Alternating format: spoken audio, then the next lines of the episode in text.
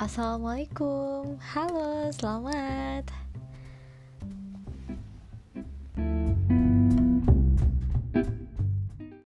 Hari kelima challenge hashtag 30 hari bersuara.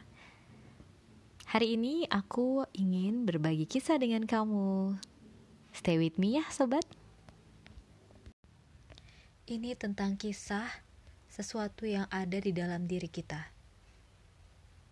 Yuk, kita main tebak-tebakan. Aku kasih clue-nya ya.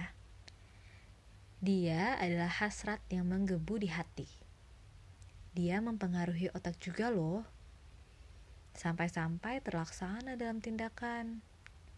Padahal dia belum tentu baik atau benar-benar perlu. Tapi belum tentu juga dia nggak baik. Menyapanya seperti memakan buah si malakama.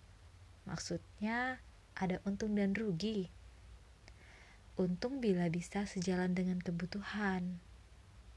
Rugi saat itu membuang waktu. Dia bisa dipertimbangkan dengan segenap kemampuan kita.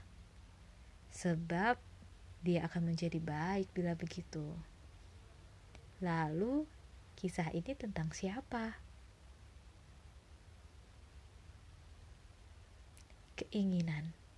Ya, kisah ini tentang keinginan.